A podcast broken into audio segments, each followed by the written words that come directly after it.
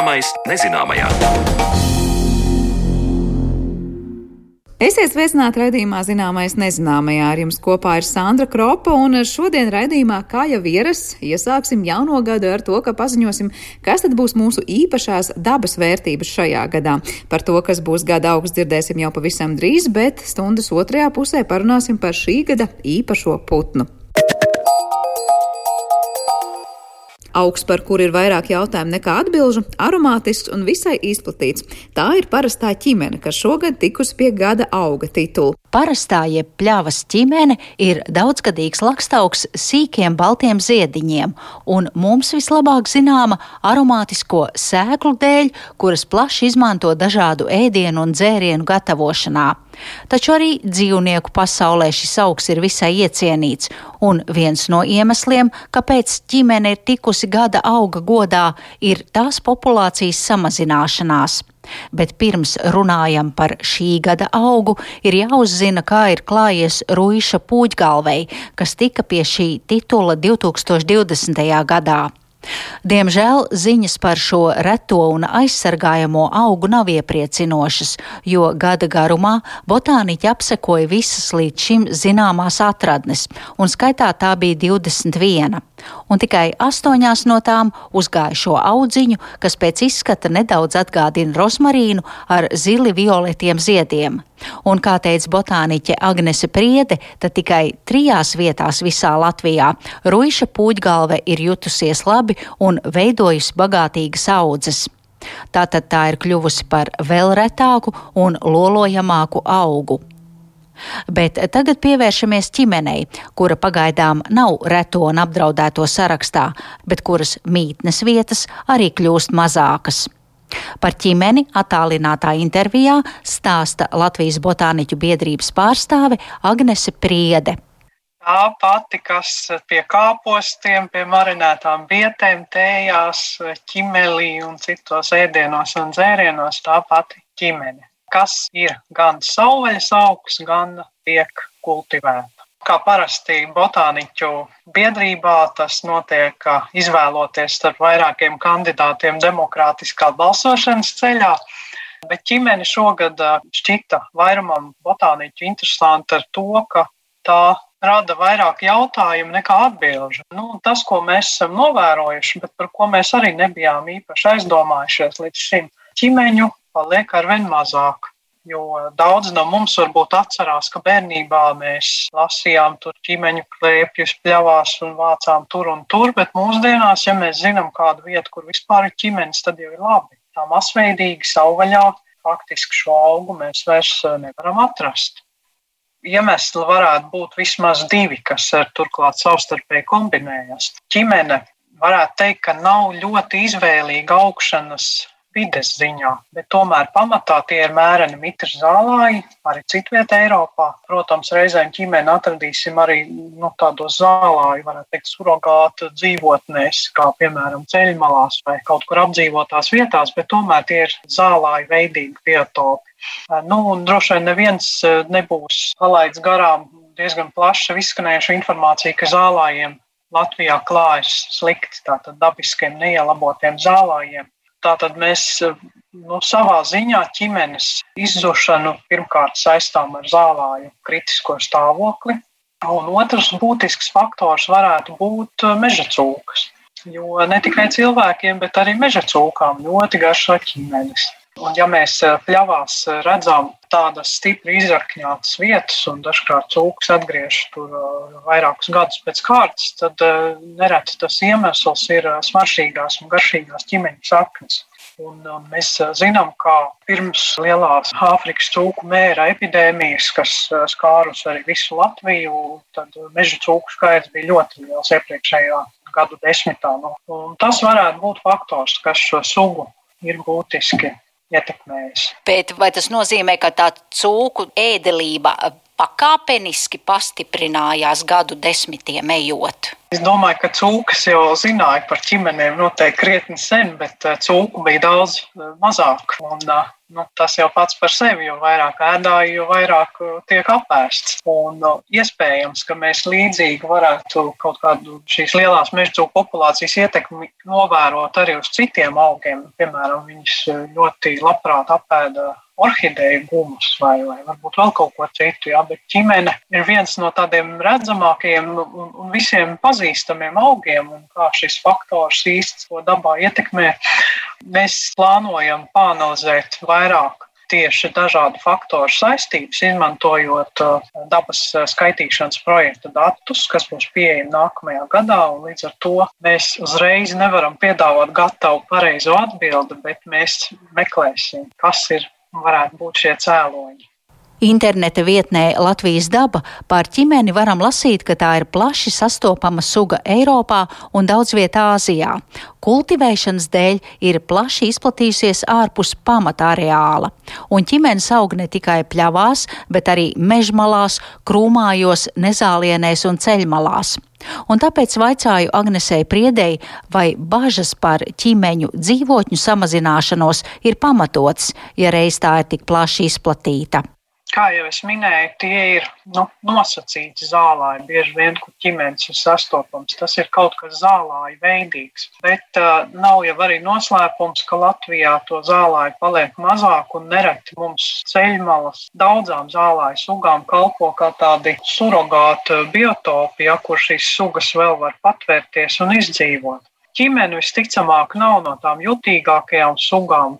Iespējams, ka viņi tiešām spēj dzīvot arī tādās vietās, kas vairāk līdzinās nezālieniem. Un tomēr, tomēr šī ceļmalu loma, manuprāt, mūsdienās kļūst ar vien lielāku un nozīmīgāku tieši, lai mēs vispār saglabātu zālāju sugas un ķimene. Kā ļoti parasts augs, tomēr parāda to, ka arī parasti augi mūsdienās, samazinoties dabiskiem, daļai dabiskiem biotopiem, var kļūt par retiem tas arī ir tas galvenais ģimenes vēstījums mūsuprāt. Un vēl viens interesants eh, fakts par ģimeni, ka Latvijā droši vien un, un daudz plašākā reģionā arī nekā Latvija to varbūt arī nevar uzskatīt par pilnībā dabisku sugu. Drīzāk tā ir arheofīts, jeb suga, kas šeit ir ar cilvēka palīdzību izplatījusies, bet jau ļoti senos laikos, nu, iespējams, ka tā tika sēta jau kaut kur viduslaikos, klosteros, kā garšaugs vai kultivēta muiznieku dārzos, un visticamāk, ka tā aizgāja plašāk un, un tika kaut kur piesēta un, un vairota, bet atradusi savu nišu dabā un spējusi kļūt par tādu arī zālēm raksturīgu sugu mūsdienās. Nu, es zinu, ka kultivētām ķimenēm ir vairākas pasugas, kas ir romiešu ķimenes, indiešu ķimenes. Tad jājautā, tad ķimene, ko mēs zinām, tā parastā ķimene, no kurienes tā ir nākus, kur tās saknes ir meklējamas? Nu, viena versija, ka tās varētu būt stepes starp Eiropu un Āziju. Bet tā kā šī ķimene ir ļoti sens jau kultūrās izmantots augs, tad To ir ļoti grūti pateikt mūsdienās. Ir ļoti grūti rekonstruēt pagātni, nu, kā šī ģimene un tieši no kurienes ir izplatījusies. Bet uh, tas ir ticams, ka tā ir tā tad uh, stepju, jeb dabisko zālāju reģiona suga, kas tad ir aizgājusi mūsdienās jau līdz pašiem Eiropas ziemeļiem un nav sastopama tikai ar vidusjūru. Es saprotu, ka pie mums tas, kas ir veikalos un aptiekās, tās visas ir kultivētās ķimenes. Kā atšķiras tā kultivētā ķimene no tās parastās pļāvas ķimenes no šī gada auga? Jā, neieiet ļoti lielās niansēs, tad praktiski nekā piemēram, piesēja tajos pašos dzīvnieku piebarošanas lauciņos, tātad mednieki, lai, lai pievilinātu šos dzīvniekus tur vairāk apgrozīties. Iespējams, ka piesēja ir ganībās, jo īpaši tādā senākā literatūrā ir atrodams, ka ķimenis ir nozīmīgs ne tikai cilvēkiem garšaugs, bet arī lopiem, ja, kas vienlaikus arī palīdz pret vēdera uzpūšanos. Un lopiņam padara priecīgāk ar pašu ēšanas procesu, jo ēst zāli vienkārši ir, protams, garlaicīgāk un neinteresantāk. Tā kā tur ir vairs grūti saprast, kas no kurienes tieši nācis un cēlies. Un arī mūsdienās, domāju, gan sējamais, gan, gan patērētais materiāls ir ļoti dažāds. Vaicāju Agnesei Priedei, kas viņai kā botāniķei šķiet interesants šajā augā. Un kā jau sākumā viņa minēja, tad tas ir fakts, ka saistībā ar ķimeni ir vairāk jautājumu nekā atbilžu. Interesanti mēģināt vairāk saprast par to, cik šis augs īstenībā ir tāds cilvēka pavadonis un cik saistāms ar Latvijas dabiskajiem, vai pareizāk sakot, daļēji dabiskajiem zālāju biotopiem. No mana viedokļa viņš ir interesants tieši ar šo jautājumu, ko mums vajadzētu vairāk padomāt un, un saprast kopīgiem spēkiem. Un, ja, piemēram, iepriekšējā gada augu mēs varējām relatīvi vienkāršāk kaut kādas atbildes dot, nu, teiksim, viņš paliek mazāk un biotopu kvalitāte pasliktinās, tad šeit būs grūtāk, es teikšu. Par 2021. gada augu parasto ķimeni stāstīja botāniķu biedrības pārstāva Agnes Prieda. Ar viņu tikās mana kolēģi Zane Lāce. Par šī gada putnu sīkāk runāsim redzījuma turpinājumā, tad arī skaidrosim, kas tas ir un ar ko izpelnījies šogad pastiprināt uzmanību.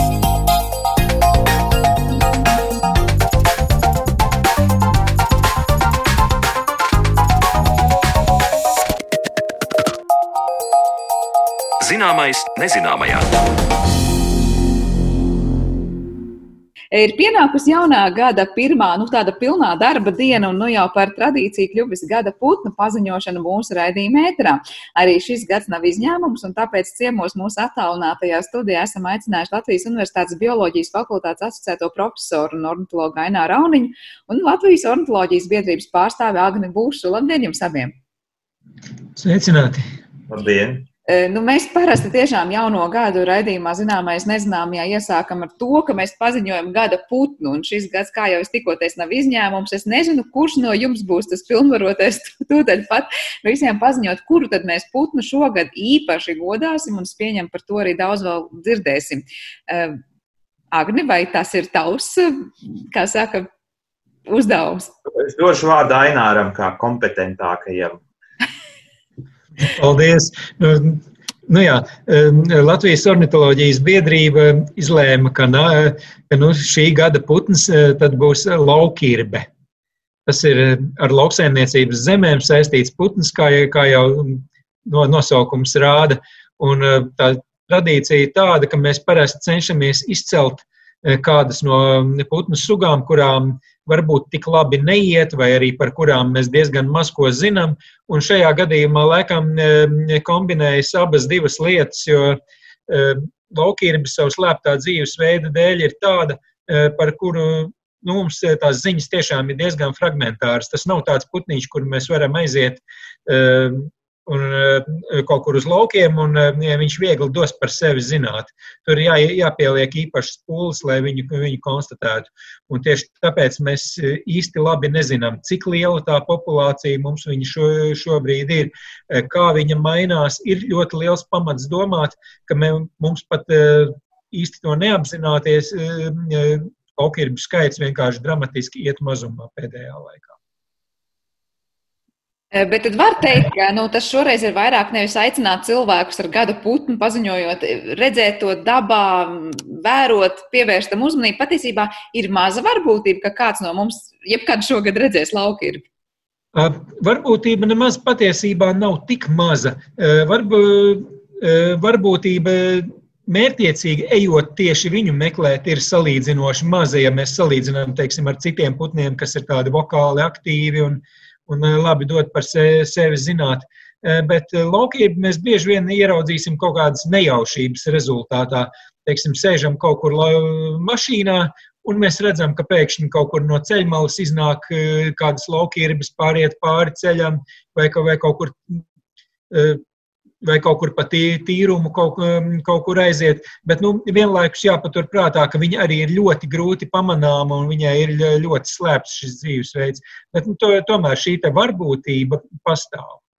Jā, par tāpēc to, ir vērts pievērst uzmanību. Jā, par to, kā labāk pievērst uzmanību un kurās vietās un kuros laikos mēs tūdaļ jau parunāsim. Bet es gribu Agnim jautāt, nu, kā gada putns laukirvē bija šogad vēl kādi izteikti sīvi konkurenti. Kā tā tika izraudzīta? Nu, par to izraudzīšanu katru gadu, protams, ir tās domas, ko un kā, kādā veidā to izraudzīt. Un, Neteikšu, ka ļoti sīva konkurence varētu būt. Galvenais aspekts, kam mēs, kā ornitholoģijas biedrība, pievēršam uzmanību, lai katru gadu tomēr ir nu, teiksim, tas cits skatījums, cits, cits virziens. Teiksim. Pagājušajā gadā tas bija zivs dzenīts, kas bija ar ūdeņiem, ar upēm saistīts putns. Iepriekš ir bijuši teiksim, arī ar mežiem, ir bijis ar jūru, ar purviem, un šogad ir tieši lauksaimniecības zeme ar atklātām ainavām saistīti putni. Iepriekš tā, protams, arī ir bijis, bet nu, mēs cenšamies tā, lai nav katru gadu viens un, viena un tā pati dzīvotne. Tā kā, un iepriekš arī pirms pāris gadiem ir bijis saistīts ar atklātu ainavu, ar pļavām. Un tad ir tā, tas, tā, tā doma, ka tas ir viens gada putns. Un, bet tur paņemot klāt arī citus putnus, tad pievērst uzmanību citiem putniem, kas dzīvo tajā vietā. Teiksim, runa nav tikai par lauku, ir bainārs, nu, noteikti varētu vairāk nokomentēt, bet, nu, kad ir, ir lauki, bet kopā ar lauku ir bija nu, ieraugot vai konstatējot, mēs varam runāt arī par citiem putniem, kas dzīvo šajā ainavā. Tā kā tur droši vien ne tikai ieraudzīšana ir no svara, bet uh, sargāšana. Ja mēs sargāsim lauki, lauki ir, tas nozīmē, mēs sargāsim arī virkni citu putnu, visticamāk. Ja? Tieši tā. Uh, varbūt, jā, Ainār, var pastāstīt par to, kāda ir tā, nu, nezinu, lauka ir bez dzīves vide un kopu kopumā. Ko mēs vairāk varētu uzzināt par šo putnu? Kas mums būtu šogad jāzina par šo putnu? Nu jā, lauksaimniecības zemes jau ir diezgan plašs jēdziens, jo tā lauksaimniecības zeme var būt ļoti dažāda. Nu, tas, kas laukirvē, protams, ir vajadzīgs, ir šī atklātā ainava, un tie tieši tādēļ viņa labprāt apdzīvo nu, vietas, kur, kur, kur, kur tāda ir, kur, kur ir labības tīrumi, kur ir zālāji, un vislabāk, ja, ja tie nav lieli vienlaidus tīrumi, bet drīzāk mazi lauciņi no dažādas kultūras, un ļoti daudz ir tā dažādas neapstrādātas zemes. Vai tās būtu nu, kaut kādas graumalas, paši grāvi ar veģetāciju, vai tās būtu ceļmalas, Mūsdienās diezgan bieži no zemnieki cenšoties iegūt lielākus šos platību maksājumus, apstrādā zemi līdz pat pašai ceļa malai vai, vai pat pašai, vai pašai grāvja malai. Un, eh, šīm laukirbēm ir ļoti svarīgas šīs te, neapstrādātās vietas, jo pašā tīrumā viņām līgstu reizēm jau uztaisa, bet tur viņas nav īsti drošas. Tur ir grūti nomaskēt, tur tā veģetācija nav tāda, lai līgsta būtu pasargāta bet eh, savukārt nu, eh, tur, kur dominē zāles vegetācija, nu, tajās pašās laukmalās, graumalās, eh, tās ir tās vietas, kur, kur nomaskētu likstu ierīkot.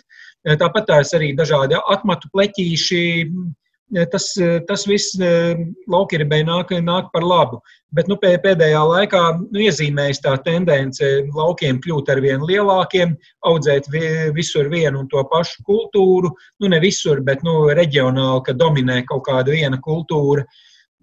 Samazināt šos dažādus ainavas elementus, tās lauka maliņas kādreiz ļoti praktizēja, ka starp diviem dažādu kultūru vai pat starp vienas kultūras laukiem ir tāda neapstrādāta josla, tās par ežām sauca. Un Jā, mūsdienās es pat nezinu, nu, izbraucam kaut kur uz laukiem, paskatāmies, vai, vai vispār atradīsim kādu ežiņu vēl mūsdienās.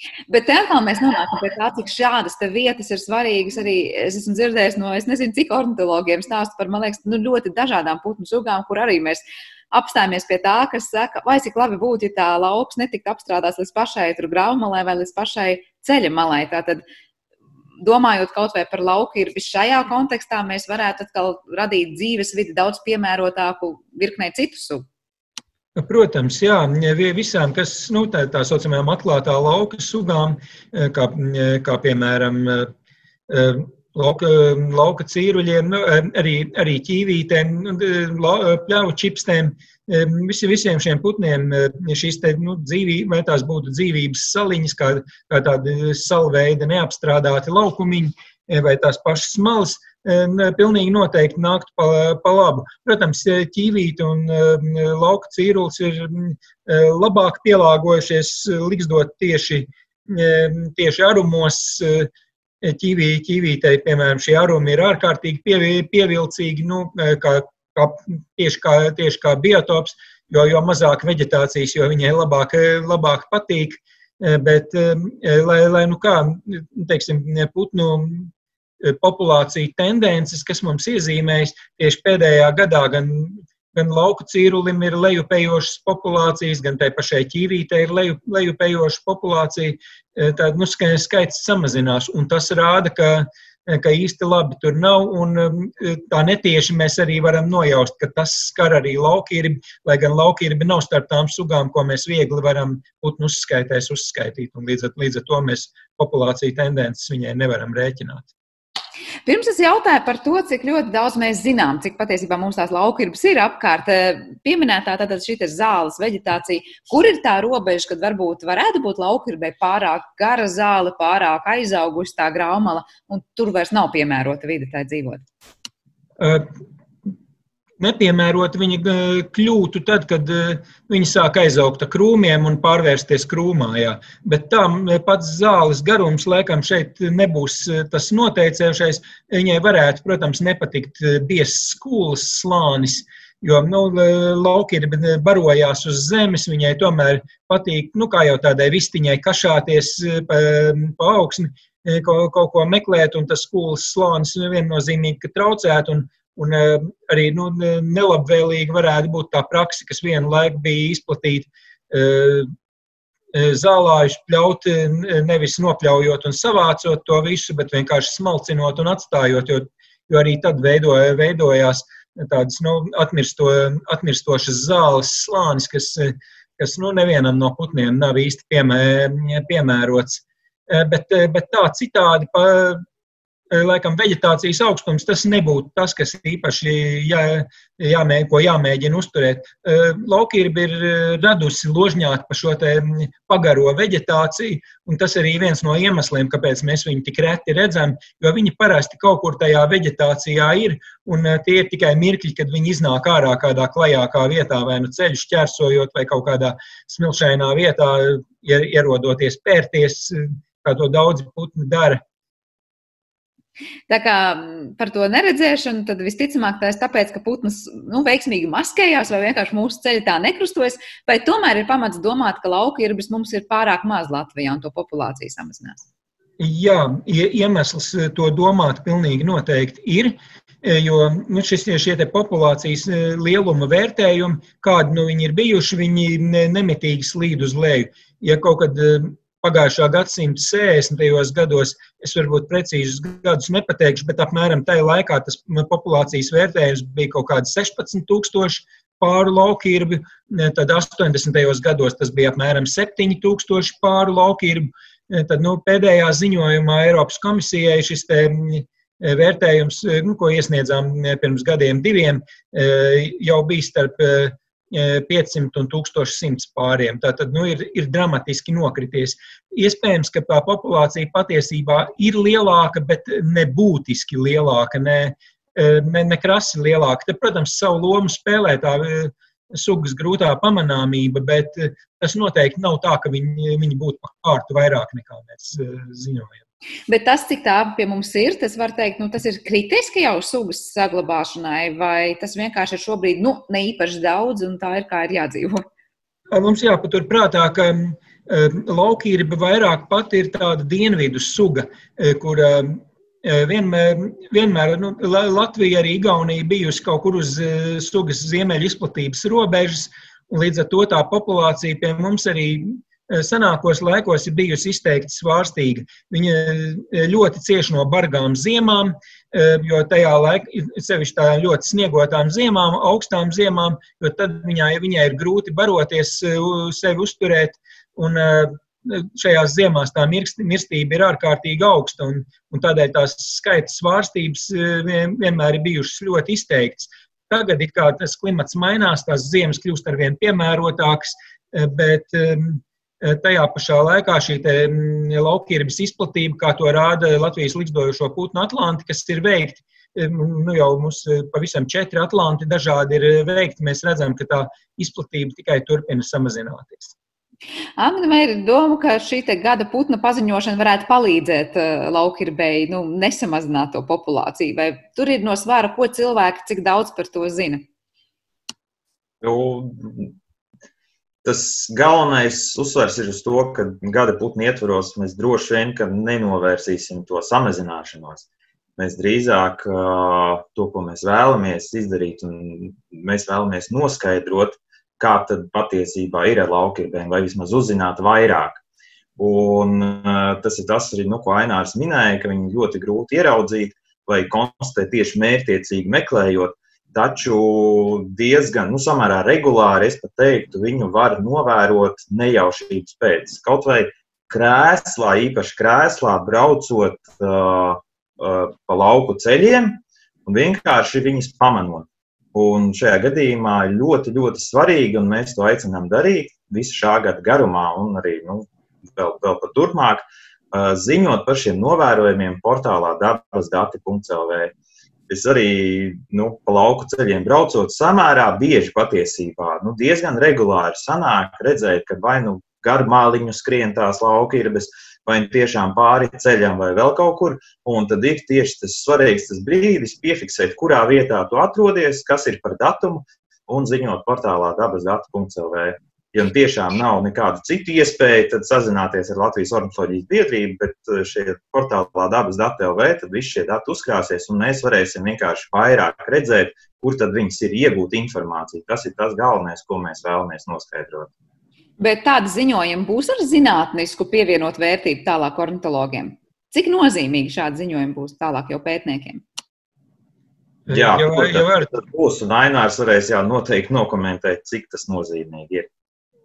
Jā, šā, šādi sugu klātbūtnes datu, dati, sugas, sugas novērojumi ir, ir ļoti noderīgi no, no, no dažādām sezonām, bet it, it īpaši no likstošanas sezonas, jo šos klātbūtnes datus mēs varam tālāk izma, izmantot tā saucamajā telpiskajā modelēšanā, kur mēs salīdzinām būtībā tā, tās metodas ir salīdzinām tās vietas, kādās suga ir konstatēta, ar tām vietām, kādas vispār ir pieejamas, pēc ļoti daudziem un dažādiem parametriem, gan, gan pēc dažā, dažādu dzīvotņu īpatsvaru, no, no ainavas konfigurācijas, dažādām metrikām.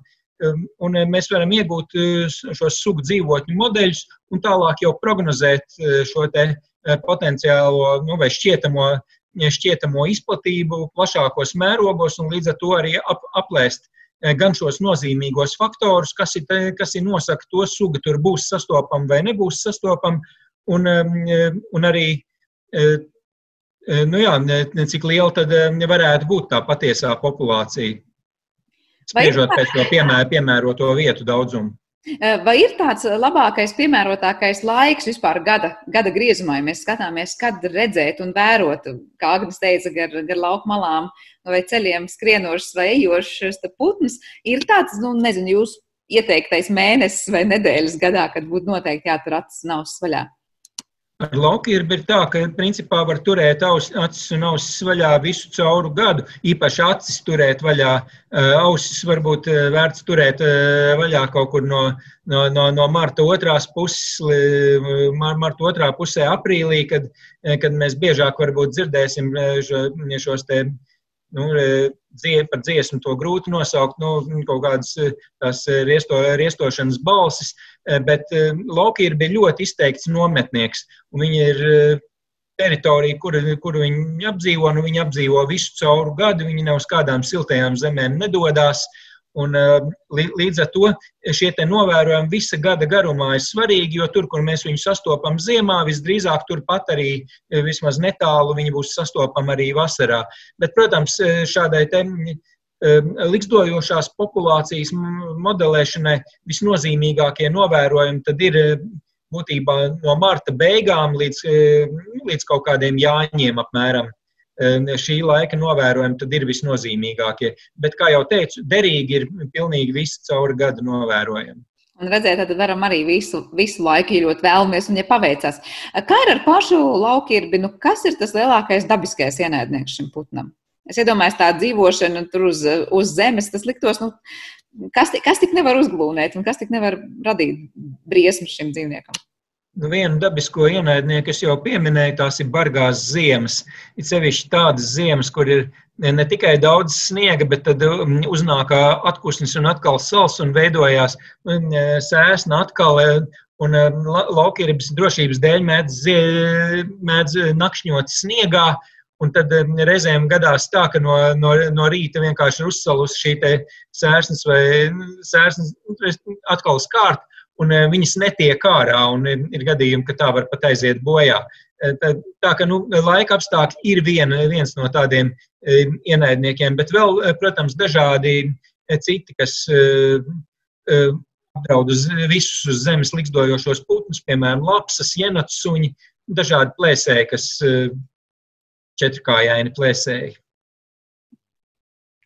Tā kā mm, tādā ziņā nekādi īpaši ienaidnieki vai bīstamības eh, dabā nebūtu jāizcer tieši laukības gadījumā. Es domāju, vai kāds cits putns to varētu apdraudēt, vai kāds cits lielāks dzīvnieks. Tā kā Nu, te, te, kā, kā, kā jau vienmēr, lauki ir pakļauti ļoti daudziem riskiem, tāpat kā nu, visi citi putni, kas e, savus, nu, e, kā, kam ir mazuļi likstbēgļi, tātad nu, tādi, kas izšķiļās jau pūkaini un uzreiz pēc izšķilšanās pamet likstu un, un seko vecākiem līdzi. Un šajā gadījumā kaut vai mūsu baltie stārķi, viņš, protams, baltais stārķis meklē, meklējot barību, uzies laukierbas mazuli, nu, ļoti, ļoti gards kumos. Un, un tieši Tāpat tās arī, nu, arī, arī nu, kaut, vai, kaut, vai, kaut vai vārnu var ja, ja, ja atrod kā vai nu ligzdu vai, vai jā, mazus mazuļus, jā, tad, protams, apdraudēs, bet nu, nevar izcelt kaut kādu vienu ļoti specifisku dabisko ienaidnieku. Bet vai tas nozīmē, ka lauki ir arī īpaši sargā savus mazuļus, vai tā ir jādodas visu laiku barības meklējumos, un tie mazuļi tik pa laikam liks dara vieni paši? Um, E, tur jau tā lieta, ka tie mazuļi nepaliek ligzdā. E, Vispār e, maz, nemaz, nemaz. Nu jā, viņi tikko izšķiļās, nepaiet ne diennakts, tikko ir puslīdz apžuvuši, viņi pamet ligzdu un seko, seko vecākiem. Un te arī, arī tas, ka laukirbēm tie dējumi ir ļoti lieli.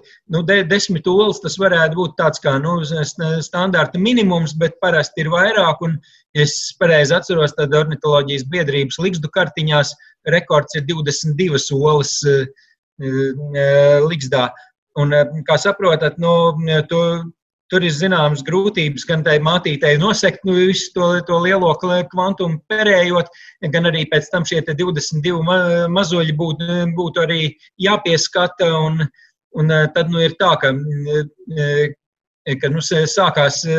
Sākās šis periods ar šo lielo mazuļu skaitu, bet līdz nu, pilnībai, pat, pilnīgai patstāvībai visdrīzāk izaug daudz mazāk viņu. Un eh, tas, acīm redzot, ir arī ierēķināts šajā te nevelti, ir tie, tik liels šis sākuma cipars, jo ir šie dabiskie ienaidnieki, kas viņus aplasa. Bet cik ilgi tā mazuļa staigā līdz tai mammai?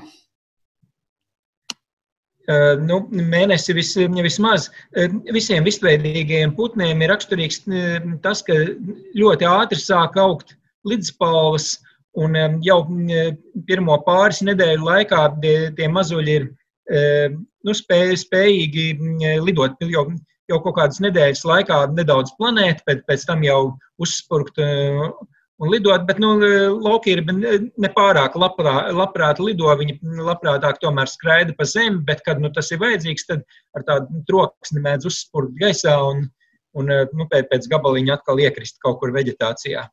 Un ar ko tā īsti barojās? Kas ir tā iecienītākā ēdienkarte laukirbei? Principā barojās ar visu, ko var dabūt. Viņi diezgan oportunistiski šajā ziņā. Protams, pavasarī, vasarā pārsvarā tie ir dažādi veidi kukaiņi, ko, ko citi un citi bezmūrkalnieki, ko viņi atrod vairāk uz rudeni, ziemā, tad dažādas sēklas, arī zāles daļiņas diezgan plašs tas barošanās spektrs. Bet te atkal ir viena lieta, kas tieši ar lauksaimniecību saistīta, ir agroķīmijas lietojums. Un tā ir lieta, no, no kā laukība ir cietusi un turpina ciest. No tā viņa cieta gan padomju laikā, kad ļoti, ļoti intensīvi tika, tika lietoti gan dažādi minerāli, minerāli mēslu, pesticīdi. Tad uz brīdi bija tāda attelpa 90. gados, kad tas viss krasi samazinājās, bet nu, pēdējā laikā lauksaimniecība atkal kļūst ar vien intensīvāka un tad samo, samazina gan šo barības bāzi laukirbēm, gan arī nu, palielina risku viņām pašām saindēties. Jā, nu visi šie nosauktie faktori tikai liek domāt, ka pavisam noteikti mēs saimniekošanas metodas tik ātri nemainām, un gan jau, ka tie riski, ar ko šie putni saskarās, ir gan augsti, un gan jau tiešām tās populācijas nu, nav tā, ka mums līdzās ir kaut kas ļoti, ļoti bagātīgs un, un, un liels skaita ziņā, un mēs vienkārši neesam ieraudzījuši. Bet pamazām noslēdzot šo sarunu, cik lielā mērā šīs laukirbas ir radniecīgas, es nezinu, citām irbēm, un kas ir vispār šo te putnu tuvākie radinieki? Nu, Laukirbēm, nu, sa, kā savas ģintas pārstāve Latvijā, viņa ir vienīgā. Nu, pasaulē, pasaulē šajā ģintī ir vēl divas sugas. Viena apmēram Tibetas augstkalnēs dzīvo, otra principā no Baikāla ezera uz dienvidiem Ķīnā. Nu, tā, tās ir vēl div, divas tuvāk radniecīgās sugas. Bet tā, tā citādi mums no Latvijā dzīvojošajiem visveidīgiem putniem laikam tuvākā radiniece būs paipala, kas ir krietni mazāka par, par, par laukīrbi. Un, eh, Viņu arī vieglāk ir dzirdēt un, un atpazīt. Viņai tāds ļoti, ļoti raksturīgs sauciens. Eh, nu, šī, šīs, te, šīs te abas divas ir bijis, tad laukīrbi un eh, paipali pieder nu, fazānu, nu, kā kuras sistemātika dzimtai vai apakšdzimtai. Pārējie mūsu vispējīgie putni pieder, pieder tad rubeņu dzimtai vai apakšdzimtai, un tur tad būtu rubeņi, meģņi, mežīrbes, baltīrbes. Jā, tas jau mazliet tā kā nu, tālāk radinieku pulks, kas tika nosaukts. Es saprotu, ka, tad, kā jau minējāt, iespēja redzēt šo putnu mums ir un īpaši būtu jāskatās, kas notiek jau no marta beigām līdz jāņem. Bet jautājums varbūt tad Agnim noslēdzošais, šis gads tikai sākas, laukirbas gads arī tad tikai sākas, vai gaidām kādi īpaši pasākumi vai kādi īpaši notikumi, ko, ko likt aiz auss, lai, lai šo putnu labāk iepazītu. Nu, pilnīgi noteikti nu, tas tradicionālais pasākums uh, ir zīmēņu konkurss, kurā mēs aicinām piedalīties gan pieaugušos, gan bērnus. Un zīmējumus būs iespējams iesniegt līdz pat uh, maijam, kad arī pēc tam vērtēsim. Un tradicionāli uzvarētājiem ir iespēja doties īpašā putnu vērošanas ekskursijā. Nu, redzēsim, kā tas būs šogad, kāda būs situācija ar iespējām. Uh, un iepriekšējā gada pieredze ar zivdzenītu liecina, ka ļoti, ļoti krāšņi un skaisti darbi ir. Mēs pat nolēmām, ka jāveido labdarības izsoli, kas vēl nu, no iepriekšējā gada, tā teikt, šogad vēl, vēl ir plānota un būs iespējams apskatīt arī klātienē šos darbus Tirzniecības centrā Alfa. Un uh, to, ko es uh, tātad noteikti zīmējam, šos te putnus. Un ko es vēl gribēju piebilst saistībā ar ziņošanu portālā dabas dati LV, kā Ainārs minēja, ka ir šis, šie lielie perējumi, un līdz ar to ir ļoti svarīgi tātad piefiksēt datumu, vietu un arī to skaitu, jo nu, tādā veidā mēs varam iegūt arī interesantus datus, teiksim, cik mums ir sezonas sākumā varbūt, nu, cik, cik daudz putnus novērojam vienlaikus, Un tad, nu, kad ir vēlāk, nu, kad izšķiļās tie mazuļi, tad varbūt tās jau mēs redzam tur kaut kādus, nu, vainās minēja 22 putni, bet varbūt ir, nu, 10, un tad beigās, un pēc tam mēs ieraugam varbūt tos 5 putnus bariņus un, un, un tā. Un no tā jau arī mēs varam kaut ko secināt, nu, cik tad ātri viņi iet bojā vai, vai citi faktori. Tas arī tāds ļoti interesants, kam pievērst uzmanību. Bet ir risks sajaukt tos dēļus, ne tādam neprofesionālam skatoties, varbūt ziņojot ar kādu citu putnu dēļumu. Jā, Agni, es redzu, ka tu gribi teikt. Jā, es domāju, ka risks ir samērā mazs. Sajaukt. Protams, to varētu izdarīt kaut vai arī, nu, Tainārs minēja paipalu un tā, bet viņi kriet mazāk, bet, nu, viņi ir diezgan ļoti tipisks putns un tādos bariņos un, un, un brūni putni, nu, visticamāk tās būs laukirves. Tā kā, ja, un brīžiem ir iespēja pat varbūt pat nofotografēt šo, šo bariņu vai putnus, un tad noteikti arī tajā pašā portālā dabasdata.lv ziņot ar visu fotografiju, un tad arī pārējie palīdzēs noteikt šos putnus. Jā, nu tad gan noslēdzošais jautājums Agnim, tu pieminēji to putnu vērošanu, pēc tam uzvarētājiem, kas ir iespējami, vai vispār ir iespēja cilvēkiem, kuri varbūt tiešām, nu, saka, es neprotu šobrīd vērot putnus, pievienoties šogad kādā no aktivitātēm un profesionāļu vadību apgūt šo prasmi? Vai ir kas paredzēts?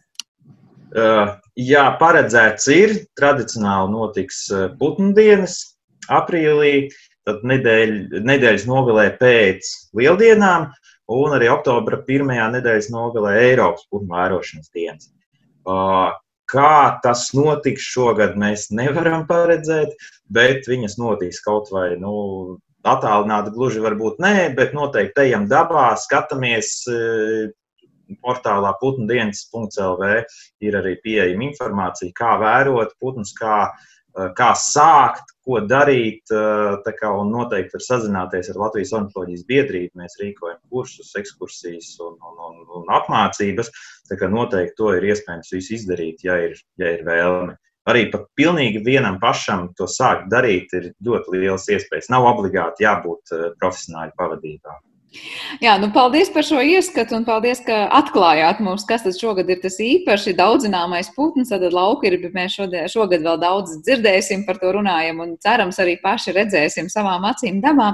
Teikšu jums abiem lielu paldies par to, ka bijāt kopā ar mums šajā raidījuma pusstundā. Atgādināšu, ka mūsu attālinātajā studijā šodien viesojās Latvijas Universitātes bioloģijas fakultātes asociētais profesors un ornitologs Ainārs Alniņš un Latvijas ornitoloģijas biedrības pārstāvis Agnes Bušs. Ar to arī raidījums ir izskanējis. Par to pateikšu paldies arī producentei Sarmītai Kolātai un mūzikas redaktoram Girtam Bišam. Ar jums kopā bija es Sandra Kropa un piebildīšu tikai, ka mūsu raidījums var klausīties arī populārākajās podkāstu vietnēs. Visu labu!